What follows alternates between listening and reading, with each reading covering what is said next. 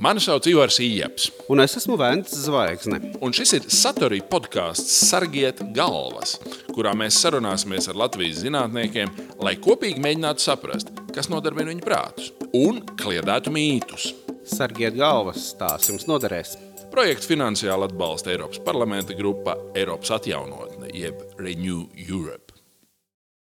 Esiet sveicināti visi, kas mūs skatās, visi, kas mūs klausās. Šis ir uh, Satorija LV podkāstu Sargiet galvas sastais raidījums, kurā uh, pirmo reizi pie mums viesojas sociālo zinātņu pārstāvis, un es nebaidīšos šī vārda Latvijas sociālo zinātņu izcilība. Tas ir Mihails Hazans. Mihails Hazans ir um, ek matemātiķis un ekonomists, matemātikas doktors, Latvijas universitātes profesors. Izglītību iegūst Latvijas Valsts Universitātē un Pēterburgas Universitātē. Ar ekonometrijas metodēm pētījis migrāciju, aktīvā darba tirgus politiku, izglītības ekonomiku, etniskās minoritātes, sociālo nevienlīdzību un citas ar iedzīvotāju sastāvu, nodarbinātību un migrāciju saistītas tēmas. Profesors Kazans ir vairāku starptautisku ekonomistu organizāciju biedrs, kā arī eksperts un konsultants daudzos starptautisko un valsts organizāciju projektos. 2012. gadā Mihaila Hazana pētījumu par emigrācijas tendencēm un virzītāju spēkiem Latvijā un Igaunijā Latvijas Zinātņu akadēmija ir atzinusi par vienu no gada zinātnes lielākajiem sasniegumiem. Esiet sveicināti, Hazans kungs, prieks jūs redzēt. Paldies, ka piekritāt pie mums pievienoties. Vakar paldies par uzaicinājumu. Man ir jums sekojošs jautājums eh, jau no tādas, kā saka, putna lidojuma perspektīvas.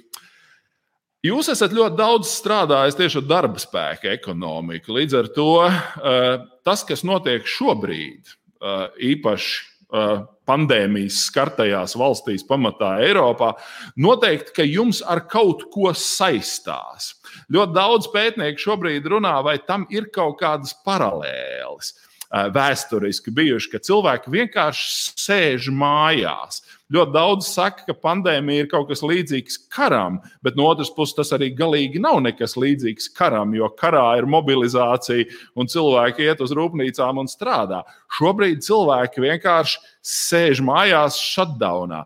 Vai kad ekonomika ir iesaldēta, vai jums nāk prātā kaut kādas šāda veida paralēles, kam tas līdzinās?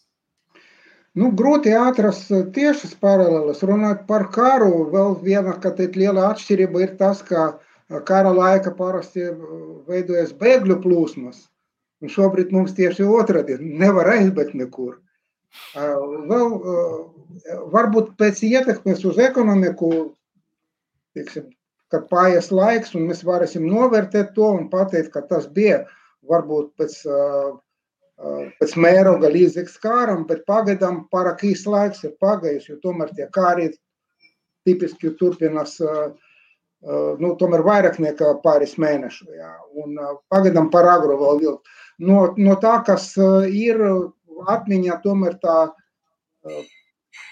liela 2009. gada krīze ir vis, vistuvākā paralēla pēc tā ekonomikas lejupslīdes dziļuma kas paredzams. Ja? Bet savādāk tomēr visas citas, citas paralēlas šeit nav piemērojamas, jo tiešām tie apstākļi ir unikāli. Un arī darba, tieši darba tirgu ir ļoti daudz, kas atšķir no visa, kas iepriekš bijis, un, bet, bet par to mēs noteikti runāsim šodien.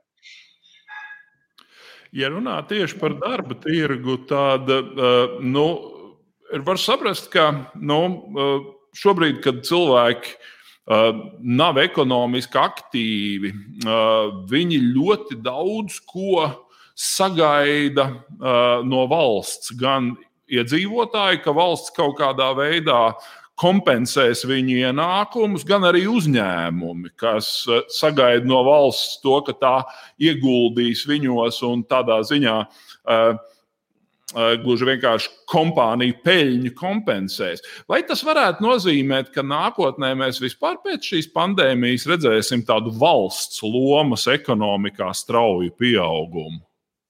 Nedomāju, gan tieši krīzes laiki ir tie laiki, kad valstī jā, jāveic tā intervence, ekonomikā tas ir pat nu, atsevišķa tāda tēmā, ka, ka valsts intervences, kad viņas vajadzīgas, kad ir tie iemesli, kad valsts intervencija ir nepieciešama, jo tomēr skaitas, ka uh, ekonomika labāk funkcionē be, bez tās. Uh, runājot par, par to valsts atbalstu, nu, pavisam pāris dienu atpakaļ iznāca raksts, ko uh, no Eiropas arotbiedrību institūta pētnieki sagatavoja pārskatu par tiem valsts atbalsta schēmām un izstrādāja tādas, nu, viņu prāt, ka teikt, pareizas vadlīnijas, kā, kā tu, kā, kā, kādai palīdzībai, kādiem palīdzības principiem jābūt. Un viņi raksta, piemēram, tā, ka, ka noteikti tam, tam schēmam kuras sauc par īsa laika darba schēmām vai saīsināta laika darba schēmām. Pirmkārt, noteikti jāsadz visi ekonomikas sektori, visas kompanijas un visas strādnieku kategorijas. Šeit es piekrītu, ka tāda atlase šeit nav laba doma, ka tas viss notiek caur barjeram kaut kādam. Tad viņi arī uzskata, ka rezultātā tiem darbiniekiem jāsaņem vismaz 80% no savas parastas darba samaksas, un kā mazākais apjoms, kas vispār tiek maksāts, nu, acīm redzot, kopā ar to, ko, ko strādnieks tāpat nopelna, pat ja viņš strādā saiznotu laiku. Tad mazākam apjomam jābūt vienādam ar to minimālo algu, Vai arī, ja nu, tur, kur minimāls algas nav, ir arī tādas valstis, kur nav tāda iedzina, ka, ka izdzīvošanas minimums. Tad arī uzskata, ka jābūt speciālai aizsardzībai zemus, zemus, zemu algu darbiniekiem, ka viņam varbūt to kompensācijas procents varētu būt augstāks nekā uh, universālais procents. Nu, mēs zinām, ka uh, gan Latvija, gan lielākoties, lielākoties ir tas procents visiem vienāds, bet nu, ideja tāda ir, ka principā šī situācija, kas rādas pandēmijas laikā, viņa palielina visāda veida nevienlīdzības. Un, un tas, principā, jāņem vērā. Nu, tad arī vēl viens princips ir, ka tas atbalstam jāturpinās mazliet ne tikai ārkārtas situācijas laika, bet arī kādu laiku pēc tam, jo tie ekonomikas problēmas ne, nepazudīs uzreiz.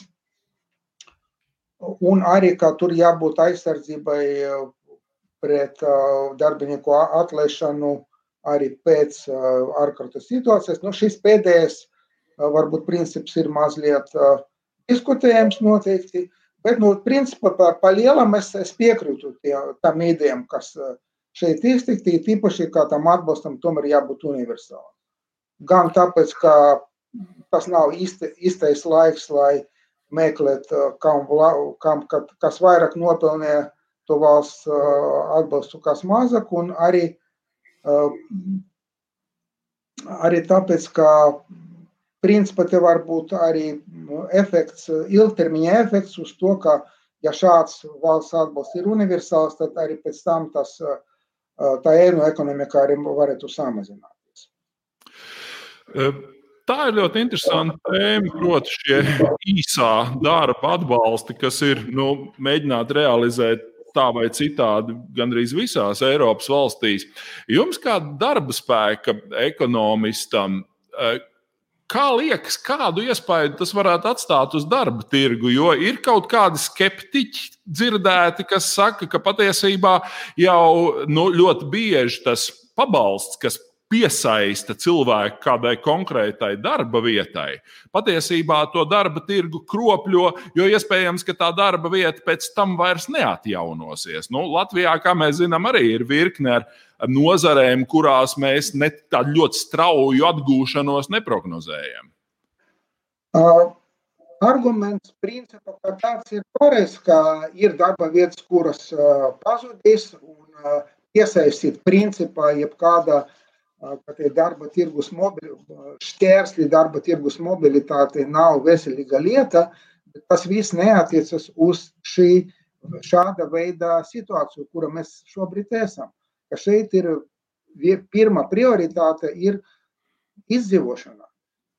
Panākt, lai visi cilvēki varētu tiešām izdzīvot, jo es atsaukšos uz pavisam arī svaigiem datiem no uh, Eiropas nodarbinājuma par uh, dzīves un darba apstākļu, apstākļu, uh, apstākļiem. Uh, aptauju, kurā viņi paspēja pavisam uztaisīt jau pēc pandēmijas sākuma un piedalījušies pa visu, pa visu Eiropu, no Eiropas Savienības valstis 85 tūkstoši respondentu.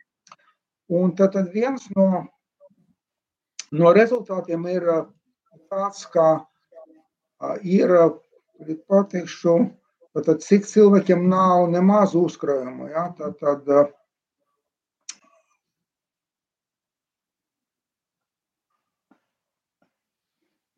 Tā tūlīt tas bija.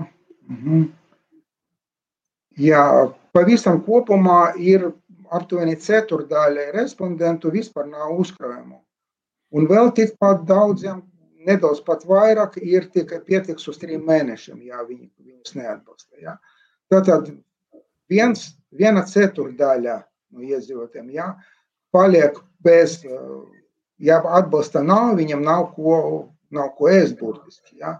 Tātad tagad nav īstais laiks domāt par ilgtermiņa darba tirgus efektiem. Tagad jāpalīdz. Mm -hmm. Vēnt? Jā, nu tad šim jautājumam, protams, ir arī otra puse. Ir skaidrs, ka ik viens cilvēks, ja, kurš, kurš šo klausās, protams, šim piekritīs tādā taisnīguma nozīmē. Tāpēc, un arī starp citu, tas, ko mm, stāsta kādi paziņas, kas atrodas citās Eiropas Savienības valstīs, ne, ne tikai Latvijā, tieši nu, ka šī pieeja tiks izmantota, ja, ka, ka tomēr valdīs tātad visiem, pret visiem ir vienāda attieksme, kas pēc tam nodrošina krietni uh, vienkārši labvēlīgāku situāciju visā uh, valstī, arī tādā nozīmē, nu, ka cilvēki ir gatavi uh, uzticēties valsts varai un nu, teiksim, uzticēties tālākajiem eh, kaut kādiem pasākumiem, ja, nevis ieradinās jau jau skaidrs, ka tāda situācija citādi ļoti demoralizējoša. Tajā brīdī, kad cilvēks saprot, ka viņš netiek nekādā veidā, ka viņš ir izlikts ārpus borta, viņš arī sāk dzīvot. Labi, jūs izdzināt mani mežā, es tagad dzīvošu nu, pēc vilku likumiem. Ja? Tad, tad es, esmu, es esmu vilks, es dzīvošu pēc vilku likumiem, un tas pēc tam nes lielu, nu, kopumā tomēr kopā lielu jaunumu. Bet tā otra puse, protams, ir tāda, ka mēs labi atceramies, kā šeit pat Latvijā gāja ar nu, tā saucamajām medmāsu algām.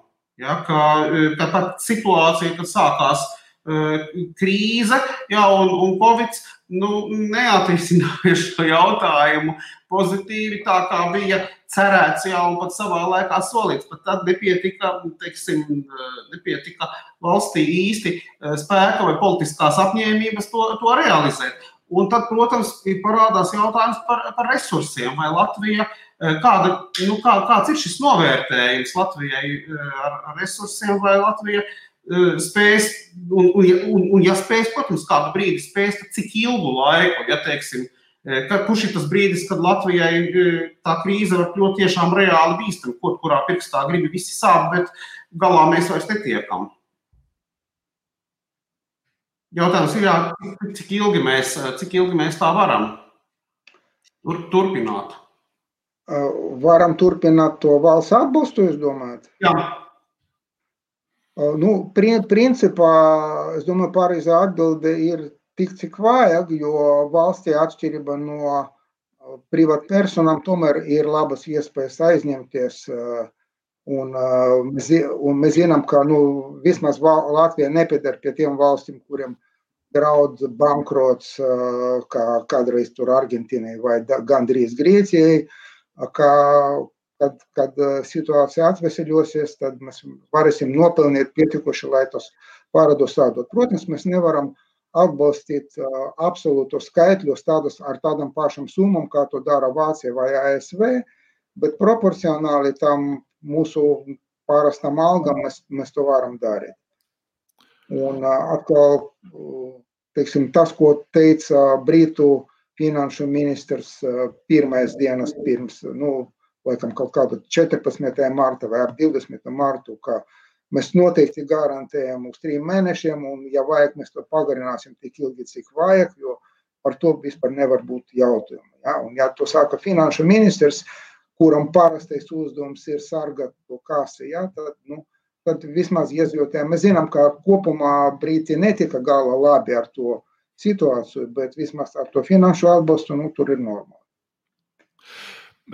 Kas būtu jūsu vēstījums tiem, kas šobrīd mēģina to valsts atbalstu koordinēt Eiropas līmenī? Jo tieši tā kā jūs pats teicāt, 9. un 10. gadā mēs zinām, ka viens no veidiem, kā Latvija vissāpīgāk izjūt tās krīzes sekas, bija vienkārši masveida emigrācija, par ko jūs pats esat ļoti daudz rakstījis un pētījis. Nu šobrīd, vai mēs, ja mēs ļaujam valstīm neierobežoti investēt savās ekonomikās, Vai mēs neriskējam ar to, ka tās valstis, kurām ir vienkārši vairāk līdzekļu un kuras var vairāk ielikt savā ekonomikā. Gluži vienkārši atgūsies daudz ātrāk no krīzes un piesaistīs darba spēku no tām valstīm, kurās šis process notiek lēnāk. Nu, principā pareiza doma, tāda, no tāda veida es neesmu domājis, bet jums ir taisnība. Bet, nu, kā var aizliegt uh, valstīm investēt savā ekonomikā, jūs domājat ar to fiskālas telpas uh, ierobežojumiem? Nu, redziet, ja var diskutēt, vai tas būtu pareizi vai nebūtu pareizi, bet var, teiksim, pretarguments jūsu teiktiem varētu būt tāds, ka, ja nosacīti valsts A pēc pandēmijas izveidoja 2 miljonus darba vietas un valsts B izveidoja tikai 20 tūkstoši un valstī B ir bez darba 100 tūkstoši, tad, nu, labākā izēja tomēr ir, lai tie 80 tūkstoši aizbrauc uz valsti A vai ne, nekā sēž uz pabalstiem mājās. Tas ir viens. Un otrs, varbūt ir tāds vairāk politisks arguments, ir, ka uh, Eiropas komisija var mēģināt regulēt, uh, ies, iesakot vai, vai valstīm, vai sekot līdzi tam, lai tas, tas atbalsts nebūtu pārāk maz mēģināt regulēt no otra gala, manuprāt, viņam nav moralas, tā, moralas tie, morāla tiesību, tāpēc, ka pašā krīzes sākuma, pandēmijas sākuma, no Eiropas komisija, nu, nu bien, atklāt, teiksim, bien nekāda. Jā, jā, jā, jā. Nē, nu, tam noteikti var tikai piekrist. Iespējams, ka mēs vēl varētu atgriezties pie Latvijas valdības reakcijas tā skaitā arī ar to dīkstāvus pabalstu, bet iespējams, ka mums varbūt ir vērts pavirzīties citu aktualitāšu virzienā. Kā izskatās no darba spēka ekonomikas viedokļa šobrīd nu, tik straujais tā sauktā attālinātā darba īpatsvara pieaugums? Jo, cik es saprotu, nu, tā ir, protams, lieta, kas paliks ar mums vēl ilgu laiku, tāpēc, ka ļoti daudz, vai vismaz dažas klātienes darba vietas, kuras tagad tiks likvidētas, bet pēc tam vairs neatjaunosies. Bet no otras puses, cik es saprotu, tas ir arī jautājums par sociālo nevienlīdzību. Jo tie, kas strādā no mājām, kā likums, ir tie, kas saņem lielākas algas. Viņi var atļauties pašizolēties. Savukārt, tie, kas nevar pašizolēties, kā visi, nu, kā saka, apkalpojošā sektorā strādājoši cilvēki, viņiem ir krietni grūtāk, uh, nu, kā saka, pelnīt daudz. Kā jūs redzat šo te nu, distancēto darbu kā jaunu fenomenu? Uh, fenomens ir neapšaubāms, viņš nav absolūti jauns. Viņš jau eksistē, bet, lai pateiktu, cik lielā mērā viņš mērā tas fenomens paplašinās, es atkal atsaukšos uz to aptauju, kur ir ļoti interesanti dati. Tātad, kāda strādājošo daļa sāka to atdaļināto darbu tieši pandēmijas rezultātā. Vidēji Eiropas Savienībā tie ir 30, 38, 37%. tas ir ļoti daudz. Ja. Tie ir 37% no tiem, kas strādā attālināti. Ja? Nē, no, uh, es tā, šeit tas forma, jautājuma formulējums nav, bet, nu, pieņem, pieņemt, ka tas ir 37% no visa darba spēka, laikam nav realistiski, tā kā droši vien, ka no tiem, kas strādā attālināti. Pieņemsim.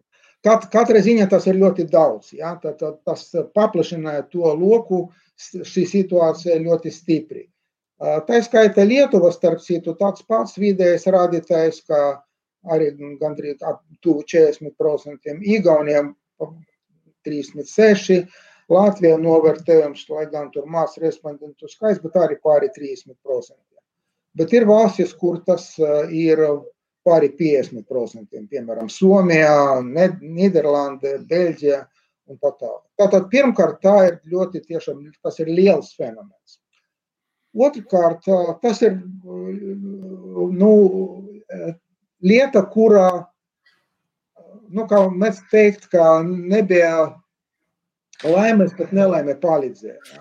Tad, tur, kur, kur var to darīt attālināti, kur to var strādāt attālināti, es sapratu, ka es mazliet novirzies no jūsu jautājuma par nevienlīdzību.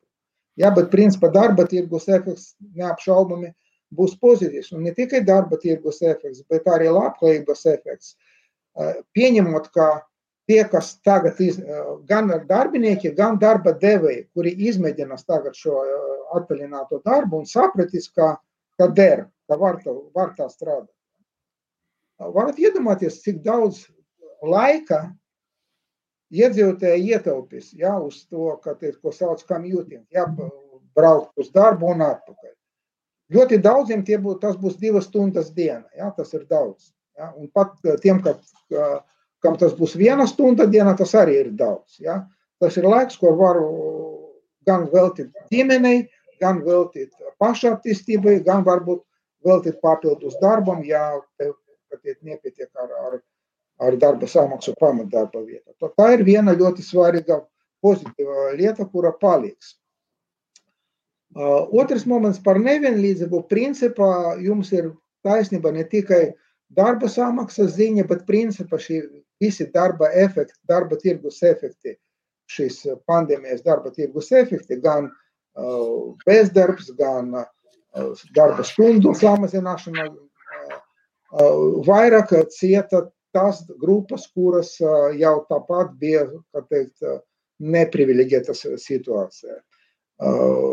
Maza, dažādi nu, mazākuma, mazākuma grupas visdažādākas un maz izglītoti darbinieki un tā tālāk. Un tas nav vienkārši apgalvojums, ka, bet arī uz, uz datiem balstīts atzinums.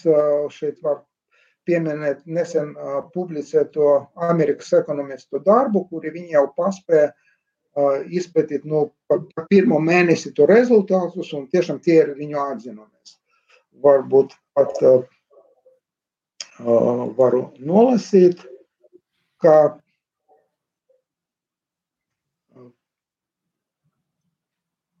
vairāk skarti bija, bija secinājums.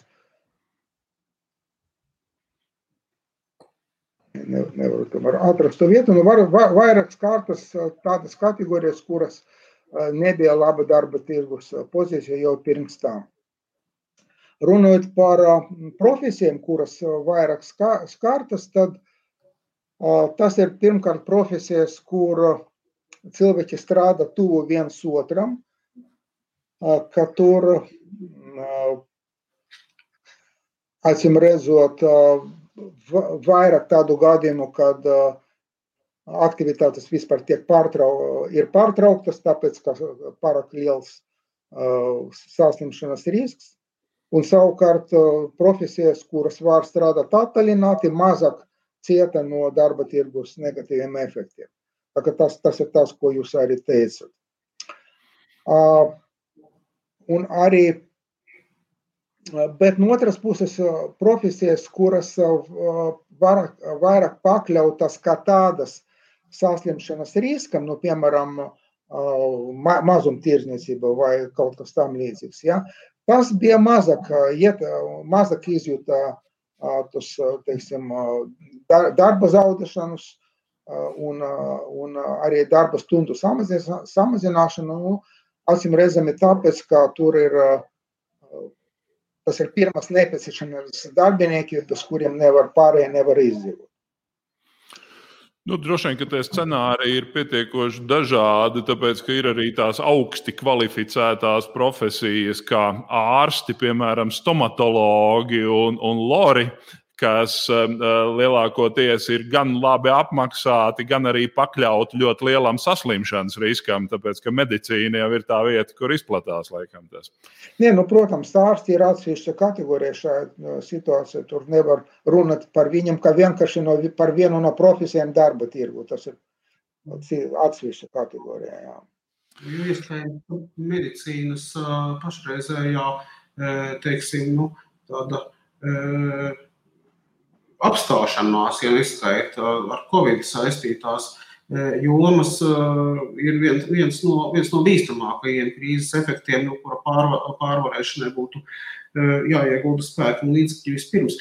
Man bija arī viens šajā pašā sakarā par darba tirgu jautājums, kas bija saistīts ar vienu mūsu Vēl droši vien pašais viņš ir arī klausītājs, viņš bija iesūtījis vairākus diezgan garus jautājumus par iespējamām diskusiju tēmām neilgi ja, pirms šīs uh, sarunas sākuma. Un viens no tiem tādiem jautājumiem, ko viņš tur bija aprakstījis, bija jautājums tieši par pārkvalifikāciju, par pārkvalifikāciju mūža izglītību. Tā ir, kā zināms, tēma, par kuru Latvijā runāja ilgi un, un, un, un sen, un pa brīdi, brīdim bijušas sūdzības, ka tajā ziņā pārāk maz, maz tiek darīts un īpaši nu, netiek pienācīgi izmantotas teiksim, šīs visas uh, tālmācības un uh, tam līdzīgas iespējas, nu, tad viņam bija ros, rosinājums, vai tiešām nu, nevarētu būt tā, ka visa šī krīze un tās radītās sekas ir tāds kā dzinējspēks, nu, teiksim, grantu piešķiršanai un līdzekļu ieguldīšanai tieši tam, lai uh, stimulētu. Īpaši tāpēc, ka tiešām būs cilvēki, kas būs uh, zaudējuši darbu, jā, vai kam viss būs apstājis, būs arī vairāk attīstījušās un uh, vairāk lietotas šīs nu, tālmācības, uh, vai, vai tiksim, visas nu, telekonferenču un attālinātas darbības tehnoloģijas. Un varbūt tiešām tas ir īstais laiks, lai nu, valsts līmenī tādu nopietni pievērstos uh, šīs pārkvalifikācijas programmu sākšanai un turpināšanai.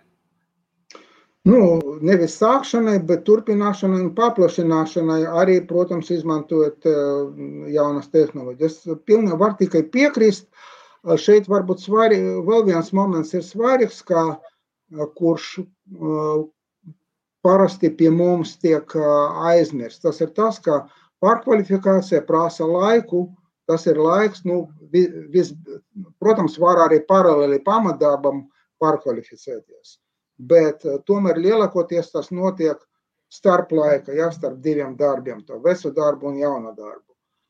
Un, eh, un tas laiks, pirmkārt, pati kursi pat sevi viņi nenotiek ātri. Otrkārt, mums ir parasti rindas uz kursiem, īpaši uz pieprasītiem labiem kursiem.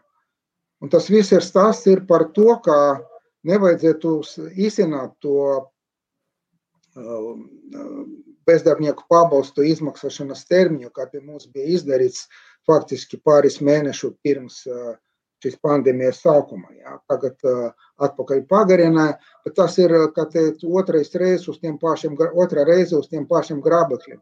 Precīzi tas pats bija pirms 2008. gada krīzes, ja, kad uh, sākuma pirms tam saisināja, un tad pēc tam vajadzēja tur uh, meklēt kaut kādus risinājumus, maksāt tos, tos simboliskus pabalstus un tā tālāk. Un vēl tā paša kontekstā jādomā par to, es nezinu, vai tas jau ir iestrādāts tur uh, to pašas izmaiņas uh, bezdarbnieku līkumā, bet uh, padomāsim par to hipotetisku laiku, kad viss atgriezīsies plus mīnus normālas sliedes, un cilvēki gribas pārkvalificēties. Tie, no, tām dar, no tām darba vietām, kuras Ivars pieminēja, ka tas vairs ne, nefunkcionēs. Jā. Un viņi atklās, ka viņam nav tur pēdējo 18 mēnešu, tie 12 mēneši nostrādāti, kur, kur maksā tas VSAU iemaksas, tad viņam nepienākas tas pabals. Ja? Tad, tad šeit vajadzētu laikam to visu periodu, pandēmijas periodu vienkārši izliekt no tā apricina. Mm -hmm. Ja mēs runājam par prasmēm, tad viena no tām tēmām, kas bija aktuāla vēl pirms Covid krīzes sākuma, bija, protams, nu, tā augošā robotizācijas un mākslīgā intelekta ietekme uz darba tirgu kopumā. Vai tas, kas notiek šobrīd, piemēram, ražošanā, nu, ir dzirdēti stāsti par to, ka nu, ļoti bieži uh, cilvēkiem, kuriem pieder kaut kādas ražotnes, ir ārkārtīgi dārgi un grūti aprīkot viņas ar e, infekciju drošām darba vietām, vai tas būtu kaut kāds nākamais grūdienis, ka cilvēki gluži vienkārši izdomās, nu tad vispār varbūt pārējiem uz robotiem, tāpēc ka roboti atšķirībā no cilvēka nevar saķert covid un e, izplatīt infekciju. Es piekrītu principā, ka tas būs tas triggers, jā, tas grūdienis, jo faktiski man bija tāda pieredze pirms gada aptuveni, varbūt mazliet vairāk. Mani uzaicināja uz vienu tādu biznesa klubu šeit Rīgā, kur nu, darba devēju tādu asociācijā kaut kādā. Nu, pastāstiet par, par to, gan par demografijas jautājumu, gan nedaudz par, par darba tirgus jautājumu. Un tad uh, Es sāku runāt par, to, par tiem robotizācijas un automatizācijas izaicinājumiem, par to, cik lielā mērā tas to jau dara vai plāno tuvākā gada laikā izdarīt, balstoties uz Pasaules ekonomiskā foruma aktīvos rezultātiem citas valstis, un ka pie mums tas ir kaut kur trīs reizes vai četras reizes mazāk, un ka uh, nebitiekoši. Un tad reakcija bija tāda, ka uh, O, jā, par to demografiju gan bija interesanti, bet tas pārējais ne, nu, nav, nav, nepatika viņam. Jā, tas kā nav pārējais. Bet uh, pavisam nesen lasīju intervijās ar kādu no tās paša kluba tur dalībniekiem, kurš pats tagad saka, jā, mums skatīt, sen vajadzēja to darīt, jā, vajag to, to robotizāciju un tā tālāk. Jo mm, cilvēkiem ne, mēdz nedarīt kaut ko grūtu, kamēr tas nav absolūti nepieciešams. Ja? Un tā, uh, Principā runājot par šeit, tas jautājums ir saistīts ar, ar jautājumu gan par prasmēm, gan ar jautājumu par kādas profesijas būs nepieciešamas, kādas ir viegli aizvietojamas, kādas nē. Šeit ir vairāki saistīti jautājumi, tie ir ļoti interesanti. Pirmkārt, viena prasme, kura būs absolūti super pieprasīta pēc jau tagad, un īpaši pēc pandēmijas laika, tā būs prasme pārstruktūrēt, reorganizēt biznesu vai kādu citu aktivitāti. Bet ne tikai tāda nozīmē, kas agrāk bija, ka, nu, ka tur vienkārši tie, kas zina šo biznesu, viņi zina, kā viņu arī pārstruktūrēt. Te vai noteikti būs nepieciešams tas ko sauc thinking out of the box thinking, ja, tā domāšana ārpus kastes domāšana, kur vienkārši pielietot tas attālināšanas, tas mobilas tehnoloģijas, lielu datu tehnoloģijas tur, kur par to agrāk nebija domāts, pielietot tāda veida, ka, kas ļaus, teiksim, savienot ne, nevis izmest ārā darbinieku, bet varbūt savienot ar tām specifiskām prasmām, kas tiem darbiniekiem jau ir, un mēģināt uh, izveidot pavisam, pavisam kaut ko jaunu, kas apvieno tas jaunas tehnoloģijas, tomēr ar uh, cilvēcisko piedalīšanos. Nu, piemēram, ja mēs runāsim par maza, maziem veikaliņiem, ja, kuri, protams, nevar konkurēt ar to pašu maksimumu, uh, tajā piegādē un teikt, atvaļinātajā apkalpojumā. Bet varbūt viņam nevajag tā, precīzi tāda paša veida konkurēt ar, ar lielu mājaslapu, bet viņi var ar vienkārši, ja ir neliels veikaliņš, kur ir tur 4-5 darbinieki un tā pircēju plūsma nav tik liela, bet viņi personīgi pazīst gan pārdevējs, gan viņu, kā teikt, viņam patīk pārunāt ar pārdevēju, Tas var viss tikt darīts ar mobilo. Tas darbinieks staigā ar mobilo, ar, ar ieslēgto kameru, parāda, kas mums šodien ir. Parunā ar to tur Jāni vai, vai Ludmilu un, un, un, un saruna to paciņu, jā, tu pieraksta, ko vajag sakomplektēt. Jā. Ne tāda veida, kā to dara Maksima, bet, bet cita veida. Jā. Tas ir tikai tāds nu, viens piemērs, kas ienāca prātā. Var kombinēt to tradicionālas lietas ar tam jaunam tehnoloģijām. Un, bet no otras puses, tā priekšstats par tām profesijām, kuras noteikti būs pieprasītas un netiks aizvietotas, un tām, kuras nebūs, noteikti mainīsies. Jo agrāk skaities, kā, ka tās profesijas, kur ir personiskais kontakts, tas nevar izdarīt, ka tie tic konkurēt roboti. Roboti nevar izkonkurēt, bet ja mums, teiksim, paliks tomēr tas risks netiks pilnībā uh, likvidēts, un es baidos, ka viņš netiks pilnībā likvidēts. Es domāju, principā tā palielam tas bāzes scenārijs ir tāds, ka mēs atgriezīsimies plus mīnus vesa realitāte, bet ar rezerves iespēju pārslēgties, ātri pārslēgties tādā ārkārtas režīmā. Un, bet ko darīt tieši ar to personīgo pakalpojumu sektoru, absolūti nav skaidrs. Tie paši frizeri, masieri, tera, fizioterapeiti un tā tālāk. Tas ir ļoti liels jautājums. Roboti nepalīdzēs, bet risks paliks ļoti liels. Tad šeit man nav atbildes. Bet, jā, bet tā robotizēšana, principā tur, kur tas ir iespējams, jā. Bet runājot par nevienlīdzību, liels izaicinājums ir tas, ka, kad, kad pie mums runā pirms visām krīzēm, ja, kad sāka runāt par tām zināšanām balstīto ekonomiku, un tā, tā, parasti tur tiek aizmirst par tiem, kuri tagad šobrīd strādā. Runa par kaut kādu nākamo paudzi, ja, bet tie, kas šobrīd strādā, viņi nevar pēkšņi pārkvalificēties no tur, teikt, nezinu, pakotājiem uz programmistiem. Ja? Tā, mums jā, jādomā par darba tirgus pārstruktūrēšanu, bet tomēr ar domu, ka mēs nevaram izmest ārā pauzi. Ja? Mums nevar, nevajadzētu rasties tai pazaudētai pauzē, kā pēc Pirmā pasaules kara, runājot par analoģiju ar kariem.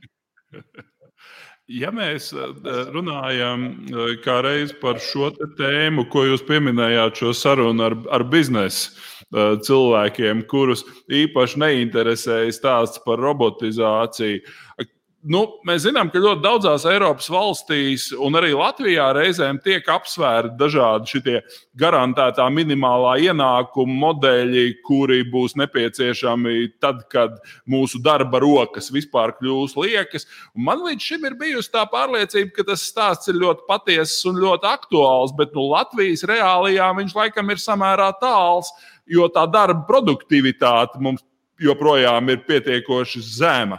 Vai arī tomēr jūs redzat, ka tas varētu kļūt aktuāli Latvijai? Nu, es domāju, ka varbūt kļūst aktuāls tieši tāpēc, ka būs pietiekuši liels segments, varētu rasties tas liels segments, kuri it kā nav pieprasīti darba tirgu, un viņi nevar pārkvalificēties uz tām profesijām, kuras ir pieprasītas. Un, uh, mēs nevaram viņus vienkārši atstāt tur uz, uz tā, kaut kāda minimāla pabalsta, kurš no, nenodrošinās nekādas pensijas viņam pēc tam. Tā kā ir jādomā, vismaz jādomā par tādām schēmām, ir kā par vienu no scenārijiem. Mhm. Nevis uh, mēģināt rast to risinājumu, kad sāksies jau mēģinājums. Vent? Jā, tas gan, gan, gan robotizācija, gan arī šī pārkvalifikācija atkal sasaucās arī ar vēl vienu tēmu, ko, ko tas mūsu, mūsu lasītājs un pašais klausītājs bija izvirzījis. Viņš kā tādus tipiskus darbus, ja, kurās tiek nodarbināti bieži vien ļoti daudz cilvēku no pārobežām, īpaši Eiropā, kur ir daudz latviešu strādā, bija minējis pirmām kārtām nevis pat rūpniecību, bet lauksaimniecību, ja, dažāda, dažāda veida šos vienkāršos lauksaimnieciskos darbus, ko Latvijā parasti nu, mēdz apzīmēt ar vārdiem zemeņu lasīšana vai šampiņonu lasīšana, ja, vai, vai, vai, vai, protams, visi, visi šādi pa darbi. Un, un, un, un ļoti iespējams, ka tieši pašreizējie visi notikumi var pavērt ceļu vaļā. Nu, šo visu darbu, vismaz daļējai, vēl tur, turpmākai daļai, viņi daudz, daudz viet ir automatizēti, ja, bet, nu, teiksim, tādai automatizācijai un robotizācijai, kurām, to, kurām tomēr ir vajadzīga arī nu, kāda cilvēka uzraudzība vai, teiksim, cilvēks kā operators, kurš vada kaut kādas ierīces. Tas darbs ir jau labāk kvalificēts. Tas uh, prasa, prasa drusku citas iemaņas, bet tas nav vairs šis nu, vienkārši mehāniskais, netīrais, ļoti arī neattīstošais darbs cilvēkam. Un ļoti iespējams, ka tā ir viena savukārt nu, šāda veida attīstība un arī pārkvalifikācijas iespēja, ko var izdarīt arī vismaz daļa no šiem eh, cilvēkiem. Kā jūs sakāt, varbūt nevar kļūt par pakotāju, eh, no pakotāja par programmētāju, bet, piemēram, kļūt no vienkārša zemiņu lasītāja par, piemēram, zemiņu lasīšanas. Uh, nu, jā, operatoru, jā, protams. Gan to var pārkvalificēties, un tas ir jau nākamais solis, kas gan varētu būt, būt iespējams.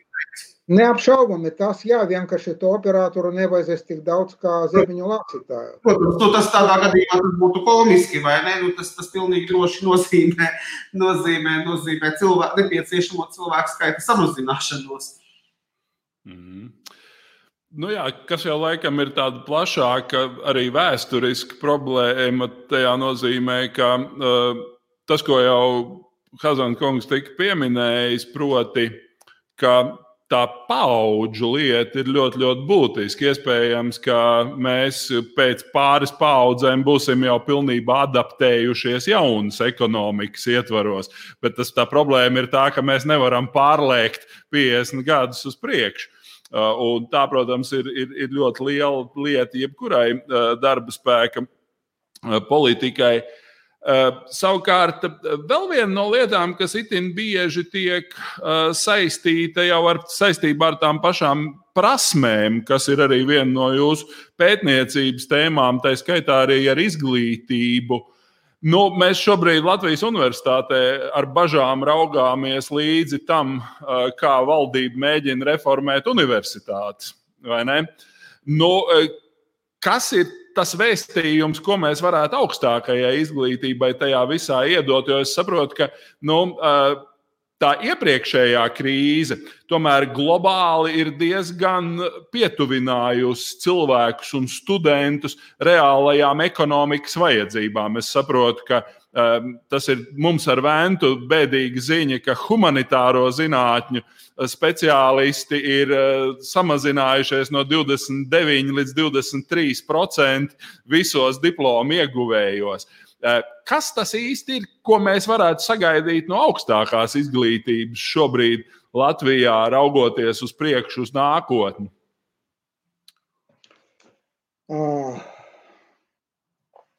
jā, nu, laikam uh, šeit jādomā par tomēr nevis humanitāram, bet sociālam zinātnēm, kuras atceraties, es pieminēju to pieprasīto prasmi pārstruktūrēt, pārorganizēt kaut ko.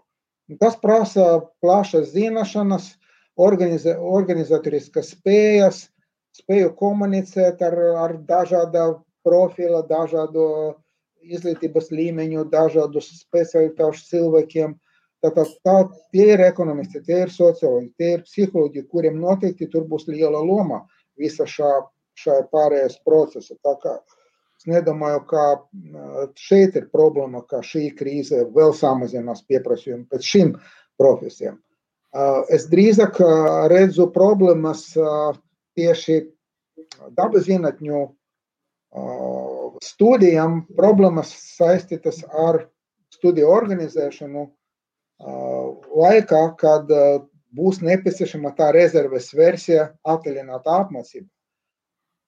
Un, teiksim, ekonomika vai politoloģija to daudz vieglāk organizēt nekā bioloģija vai ķīmija, kur tomēr tie eksperimenti un laboratorijas darbi ir neatņemama daļa. Jau šobrīd notiek, ir tas process, ir diezgan tāds haotisks kad universitātēm jāpieņem lēmumi, es nedomāju tagad par Latviju, bet principā pasaules mērogā. universitātēm jau tagad jāpieņem lēmumi, kā viņi organizēs rudens semestri. Attālināti vai uh, hibrīdi, vai varbūt daži tomēr uh, uzdrošināsies normāli. Ja? Jo normālas universitātes, kas, kas ir universitātes tiešām nevis augstskolas, tur ir gan sociālo zinātņu, gan dabas zinātņu fakultātes. Un, ja viņi grib to hibrīdu, ja, tad ar, ar iespēju elastīgi pa, pa, pa, pamainīt kaut ko pēc nepieciešamības, tad to ļoti grūti organizēt tur bioloģijā kaut kāda, jo tur, būs, tur būs nu, pavisam slodze, pasniedzēju slodze mainīsies. Ja vieni pasniedzēji pasniedz priekšmeti, kurus viņas var lekcijas tikai lasīt, un pavisam citi vada tos laboratorijas darbus. Un kā saplānot to slodzi, ja tu nezini, kā notiks semestrs, ir ārkārtīgi grūts jautājums. Un, tāpēc daudzas universitātes joprojām nav paziņojušas saviem studentiem, kur, kurus viņas jau akceptē nosacīti. Ja, pēc, ja tev būs tādi, tādi rezultāti, mēs te uzņemsim. Bet studenti savukārt jautā, kā jums, kā jūs pasniegsiet? Un atbildes nav joprojām. Tā ir, es, es vienkārši lietas kursā esmu, tāpēc, ka man nu, tuvākā loka ir cilvēki, kuri tagad stājas iekšā, un tā ir problēma. Vēl viena problēma ir tomēr tā paša, paša attālināto studiju organizēšana. Nu, tas ir, es domāju, mums tagad nav laika par to plaši diskutēt, bet tur ir ļoti daudz jautājumu, kuri vispār netika uzdoti. Netika, ne ministrijas līmenī, ne universitāšu līmenī, jo ir viens uzstādījums organizēt, nepārtraukt un panākt, lai zināšanas būtu. Ja? Bet ir, tur ir virkne izaicinājumi. Nu, piemēram, tas pats kontakta laiks, nevis ar pasniedzēju, bet ar, ar datoru. Ja cilvēki, piemēram, ja mēs runājam par maģistru studijām, cilvēki 8 stundas nostrādāja, liela daļa no viņiem sēžot pie datora, Un tagad, ja agrāk viņi varētu atnākt uz universitāti un tur atpūsties tomēr pie galda, bez datora, klausīties ievakungu, piemēram, vai, vai mani. Ja? Tagad viņam jāsēž pie datora, lai klausīties mani vai ievakungu. Vēl 3 vai 4 stundas. Un tas nav tik uh, maza problēma, tā ir veselības problēma. Vēl, uh, vēl aktuālāka tā problēma ir skolas, kur tas datoru laiks bērniem un, un pusaudžiem viņš vēl stingrāk jāregulē. Viņš šobrīd nav regulējums, un nav, vecāki to nevar nodrošināt. Un tad vēl ir problēma gan augstskolas, gan skolas tā priekš, starp priekšmetu koordinācija, lai to uzdevumu daudzums nepārsniegtu uh, no vienas puses to studējošo iespējas, no otras puses uh, pasniedzēju iespējas pārbaudīt tos iesūtītos darbus, Tad, tad tur principā ir, es domāju, ka veidosies jauna specializācija, tur studiju, attālināto studiju organizators, nevis konkrēta kursa, bet mācību iestādes procesu organizators, ja, kur, kur būs diezgan tāda, ka jābūt labi apmaksātai un uh, profesija, kura prasīs uh, augstu kvalifikāciju tiešām. Tas ir, tas, manuprāt, ļoti interesants stāsts par nu, to, kā tas ietekmēs mūsu ikdienas dzīvi un darba vietu tajā ikdienas dzīvē. Jūs esat vienā no saviem neseniem pētījumiem, kur ir runa par uh, to, cik mēs strādājam. Tā skaitā arī visādas virsstundas un neapmaksātas virsstundas un tā tālāk. Secinājis to, ka principā Latvijā cilvēki strādā riktīgi daudz. Un tas ir arī uh, laika izteiksmē. Jā, jā. Savukārt, un tas ir arī tas, ko rāda eh, ļoti bieži darba eh, aptaujas, kas saka, nu, kas ir jūsu dzīvē tās galvenās vērtības. Mēs esam viena no vadošajām Eiropas valstīm, kur saka, ka viena no svarīgākajām vērtībām mums ir darbs. Jā, tas nav jā, no, no, no mana nesena darba, tas ir no 2005. Darba, gada darba, bet es domāju, tas nav novecojis tie atzinumi. Jā, jā. Un ko tas tagad nozīmē? Kad cilvēki tiek vienkārši uz mirkli iesaldēti un nevar iet uz darbu. Kādu tas varētu tādu nu, ilgtermiņa iespaidu atstāt uz vispār Latvijas kaut kādu tādu psihokulturālo situāciju, kur tas darbs vienmēr ir bijis ļoti, ļoti svarīgs?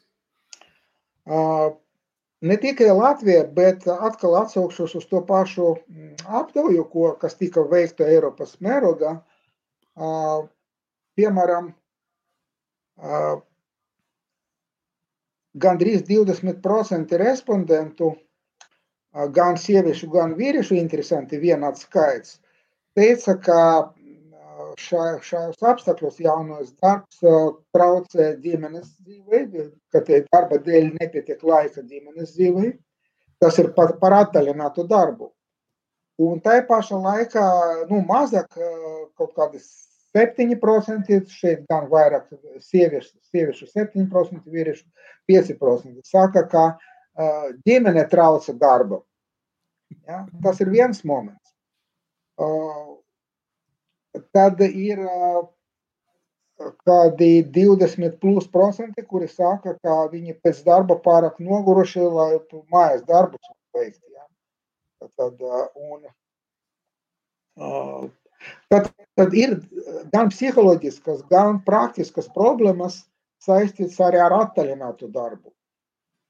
Un tas ir viens. Otrs ir tiešām tas, ko jūs pieminējat, ka cilvēki, kuri dikstāvi tagad, ja, uz, nu, par šo tēmu varu pastāstīt anekdotu, kur nesen izlasīju par Krieviju, kur uh, tur taču nemaksā, valsts nemaksā, nekompensē visiem, ja, tur vienkārši Putins pateicis darba devējiem, ka jums jāmaksā tas algas, turpiniet lūdzu. Un tur satiekas divi darba devēji, viens jautā, nu, tu saviem maksā? Nē, nemaksāju. Nu, kā viņi nāk uz darbu? Jā, nāk, visi nāk. Nu, kā, kā mēs tālāk to, te, ko tu domā par to visu? Nu, es domāju, varbūt sākt ņemt maksu no viņiem par ieeju. Jā, bet nu, tādā ziņā droši vien tas privātās un darba dzīves nošķīrums līdz ar to attālināto strādāšanu kaut kā ļoti izšķīst, vai ne? Jo tad tev bija, ka tu no 9 līdz 5 esi darbā, bet tad, kad tu 5 atnāc mājās, tu par darbu vairs nedomā. Bet, ja tas tev notiek vienā un tajā pašā vietā un bieži vienā un tajā pašā laikā, tad ir ļoti grūti. Noteikti. Tad ir, ir divas kā, problēmu kategorijas. Tad viena ir tiešām tie, kas šobrīd nestrādā. Tur ir psiholoģiskas problēmas. Gan tāpēc, ka nav darba, gan tāpēc, ja tā ir pašizolācija kaut kāda vai vienkārši labi. Pie mums tas ir daudz maz vieglāk, jo pie mums nebija tik stingras tas stingrais režims, kad jāsēž mājās. Bet citur Eiropā, kur tas bija, atkal uz tā paša aptaujā, tieši jaunie cilvēki vairāk sūdzas par vientulības sajūtu. Par problēmu psiholoģiju, mental well-being, ja to uh, mentālo veselības problēmas tieši saistīts ar, un otra situācija tiešām ir tas attālinātais darbs. Es jau mana to, kā teikt, paziņu lokā, man, teiksim, runājot ar vienu no savām studentiem, kur, kurai es vādu maģistra darbu, viņa ir maz bērniņš. Viņa teica, neziniet, bibliotekas drīz tiks atvērtas universitātē. Domāju, priekš kā jums vajag bibliotekas, vai tagad nevar visu dabūt elektroniski? Nu jā, bet es nevaru šeit mājās strādāt, bērns traucē. Jā, tad aiziet uz biblioteku, lai pastrādātu. Un to pašu man, teiksim, mans kolēģis viens teica, ka es pats strādāju mājās un sieva strādā mājās, un tur mums ir divgadīgs bērns. Tas ir, kad, nu, grūti, jā. Tad, uh, Bet runājot par to, ka Latvijā tomēr tas režims nebija tik, tik bargs, tad ļoti interesants atzinums ir par tā aptujē tika arī uzdots jautājums par apmierinātību ar dzīvi šajā laikā. Un mēs pieredzam, ka tādas aptaujas par laimi, par apmierinātību ar dzīvi, nu parasti Latvijā nav topā. Jā, bet šobrīd mēs gan esam. Mm -hmm. Tad, tad Pateikšu. Jā, apmierinātībā ar dzīvi mēs esam tur astotajā vietā starp 27 valstīm, starp Vāciju un Īriju ar pavisam nenozīmīgām atšķirībām, 7, kaut kas tur 10 punktu skalā. Un tas ir daudz, daudz labāk nekā Latvija bija nu, par veselu, veselu punktu labāk nekā bija pirms krīzes, teiksim, tā kā Latvija. Savukārt tādas valstis, kā Lietuva, starp citu, ir uh, daudz zemākā apmierinātība. Lietuva ir apakšējā gala ar, seš, ar sešiem punktiem tikai. Uh, piemēram, Itālija nu, nav pārsteidzoša arī ar sešiem punktiem. Un Spānija ar 6 vidējais Eiropas Savienība ir 6,2. Latvija, kā es teicu, ir, ir, ir tā, cik ir 6,6. Jā, Kas ir labi, jā. Vent. Jā, es Es domāju, es varbūt tā kā, tā kā mums tuvojas laikam jau, jau mūsu uh, sarunas laiks pamazām tuvojas beigām, um, nedaudz pavaicāt uh, profesoram Hazanam par, uh, par viņu pārstāvētās zinātņu nozares, proti ekonometrijas, nu, tādu nedaudz virtuvi. Ja? Tā tad mēs tā kā nojaušam, ka tā ir nu, kaut kāda veida mērīšana, ja tā ir ekonometrija, tad kaut, kaut kas tiek mērīts. Un, un droši vien, nu, tā kā ekonomikā, tas viss ir tāpat saistīts ar, ar, ar, ar statistikas datiem, ar aptaujām, ar vēl, ar, ar vēl visu, visu ko tādu. Bet varbūt jūs varat eh, nedaudz, nedaudz precīzāk iezīmēt, kas ir tie galvenie instrumenti, ar kuriem darbojas eh, tieši ekonometrija un ko ar šiem instrumentiem ir iespējams noskaidrot. Nu, tā pavisam īsi. Pirmais instruments tomēr būtu izpratne par procesiem, kurus tu gribi pētīt. Nav nekāda matemātika vai dati izpratne. Bez izpratnes neko labu nevar izdarīt pat ar labākiem datiem un metodiem. Tad, protams, nāk labas kvalitātes dati. Tas nozīmē, ka tie ir reprezentatīvi, ka viņi ir relevanti, pietiekoši detalizēti, un ka tos var vākt ar aptaujām vai mērīt no teikt, no, no uzņēmumiem un tā tālāk. Tad tas, ko dara ekonometrija, ir konkrēta faktora ietekmes izolēšana. Tas ir atdalīšana no citu faktoru ietekmes. Un tur gan ir jau speciāli matemātiskie paņēmieni, bet ir viens paņēmiens, kurš to nodrošina, un to varas lieliski pielietot tieši pētot pandēmijas efektu. Tas to sauc par pirms un pēc metodi. Ja? Tātad, ja mums ir tā saucamais eh, dabiskais eksperiments, kā šobrīd, jā, piemēram, ievest kaut kāds jauns līgums attiecībā uz, uz eh, nodokļiem vai uz darba attiecībām, vai šajā gadījumā notika tā pandēmija, un tad ir, eh, maini, ir ievesta ārkārtas situācija daži, un tad ir ļoti viegli at, atdalīt to šīs pandēmijas efektu no citiem efektiem, jo ja mēs salīdzināsim situāciju īsi pirms, teiksim, un tos pašus datus par tiem pašiem objektiem savāksim tur īsi pēc, un tad ar, ar vienu un to pašu metodi to izpētīsim un, kā teikt, izmērīsim kaut kāda faktora ietekmi, tad mēs var, un salīdzināsim, tad mēs varēsim redzēt to konkrēti pandēmijas rezultātu. Ja? Tad tā ir viena no bieži izmantotām metodēm. Runājot par prognozēšanu, tad ne tikai mērīšanu, bet prognozēšanu, nu, ir trīs prognozēšanas veidi. Īstermiņa, kur tomēr lielākoties ir izmantotas tādas tehniskas, matemātiskas metodes, un plus pēdējā laikā arī mākslīgais intelekts. Tad ir ilgtermiņa prognozēšana, kur tomēr nevar iztikt bez dziļas izpratnes par procesiem, un tur vajag apvienot tos tīri tehniski iegūtas prognozes ar uh, ekspertu atzinumiem, ar, ar, ar dziļām zināšanām. Un tad vēl ir tā saucama nowcasting. Tas nav forecasting, prognozēšana, prognozēšana ir forecasting uz priekšu. Nowcasting ir mēģinājums ar ekonometrijas metodēm iegūt priekšstatu par šī brīža situāciju,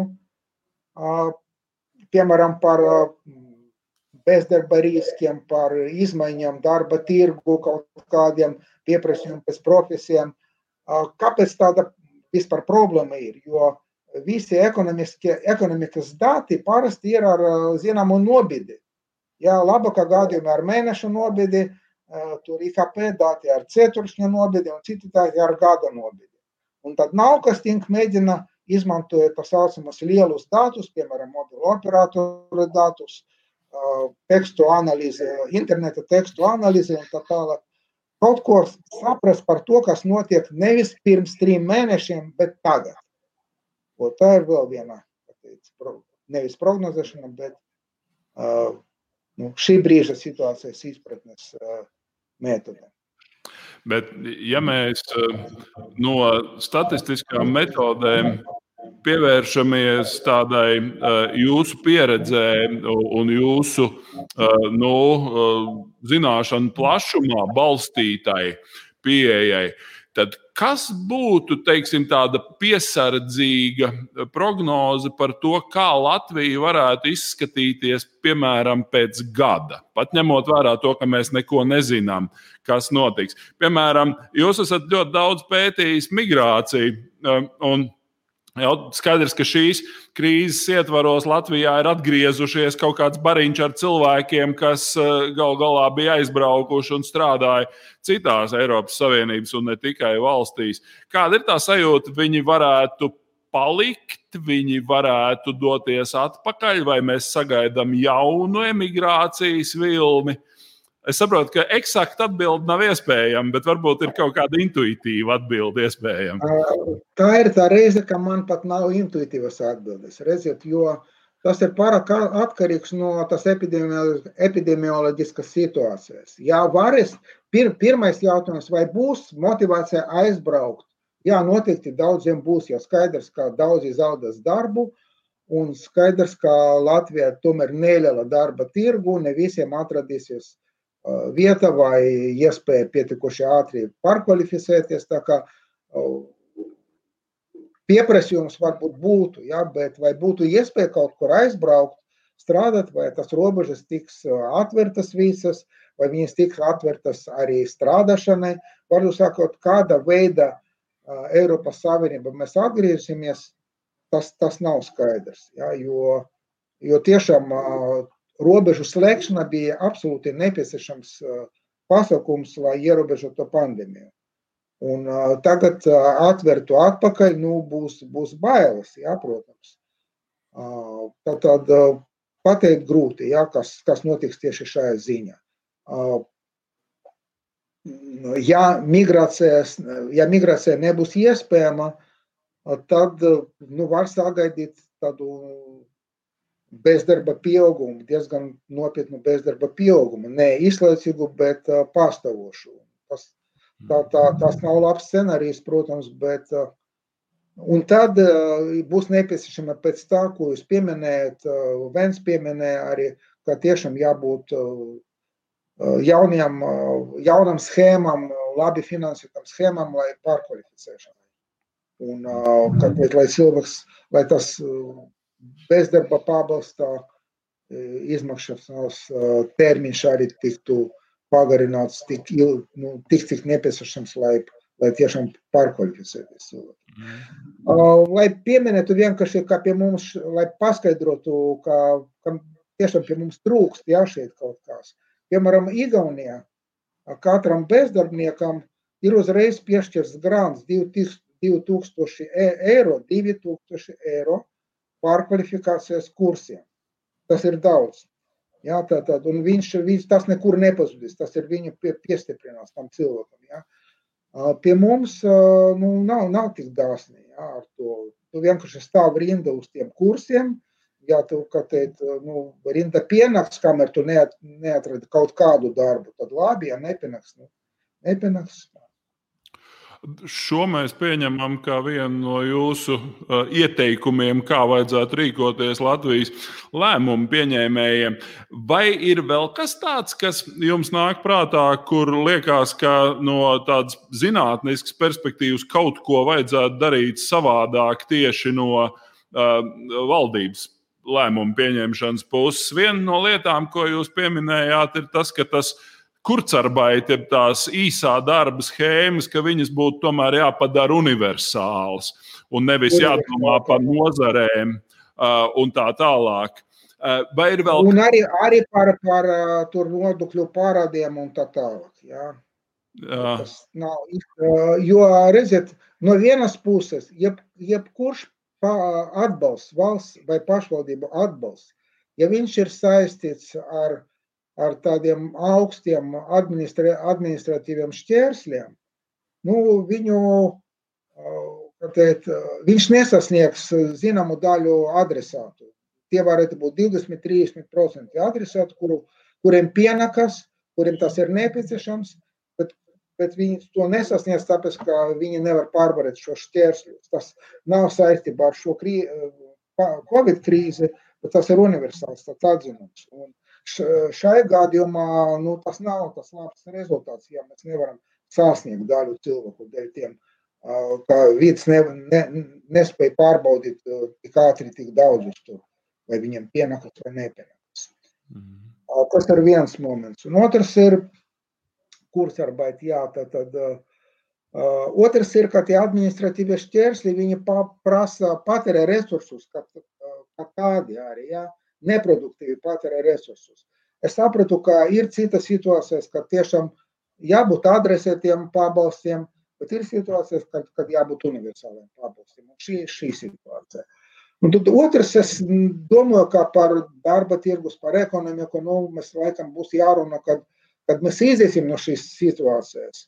Uh, viens, ko es pieminēju, ir, ka teikt, nodrošināt, lai būtu iespēja pārkvalificēties tāda ziņa, lai tas bezdarbnieku pabalsta termiņš būtu, nebūtu šķērsies.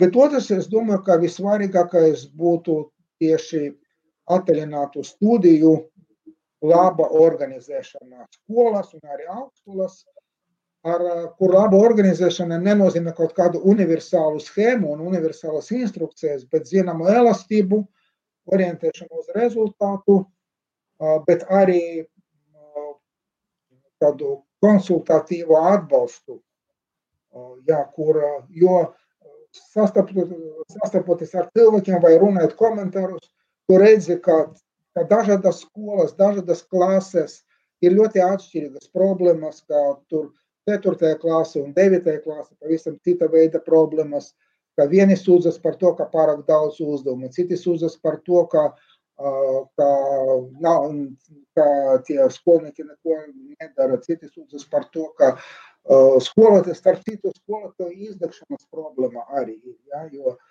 viena liela problēma ar attālinātām studijām ir zināšanu vērtījums, kuru ir ļoti grūti nodrošināt objektīvi.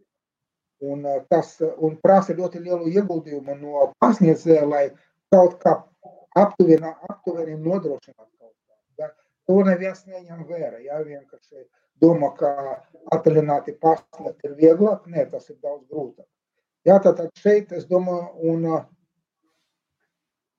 Piemēram, ja tas režīms būs tāds, ka būs kādu laiku jāstrādā attālināta režīma, tad pēc tam kādu laiku normāla režīma, jāizmanto tas attālinātais laiks, lai varbūt attīstītu vairāk komandas darbas prasmes vai citas prasmes, kuras nevajag pārbaudīt īpaši, jā, un kontrolēt īpaši, bet uh, ieguldīt tur uh, tajos cilvēku kapitāla dimensijas, kuras mazāk uh, nu, ikdienas darbā ar, ar skolniekiem, kuri mazāk tiek pievērsta uzmanība.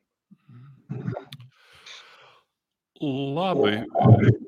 Bent, ja tev vēl nav kas vaicājams, tad acīm redzot, es gribu teikt lielu sirsnīgu paldies profesoram Hazanam, ka viņš atrada iespēju būt ar mums kopā šeit, šajā saturī podkāstā Sargiet galvas. Es domāju, ka tas bija ļoti veiksmīgs apvienojums gan no konkrētās situācijas analīzes, kāda mums ir šodien, gan arī no akadēmiskas ekspertīzes un patiešām zināšanās balstīts pieredzes. Līdz ar to vēlreiz sirsnīgs paldies jums, profesoram. Uh, sirsnīgs paldies arī tev, Vent. Paldies Jā, paldies. un tiekamies citreiz. Jā, paldies arī jums par interesantiem jautājumiem.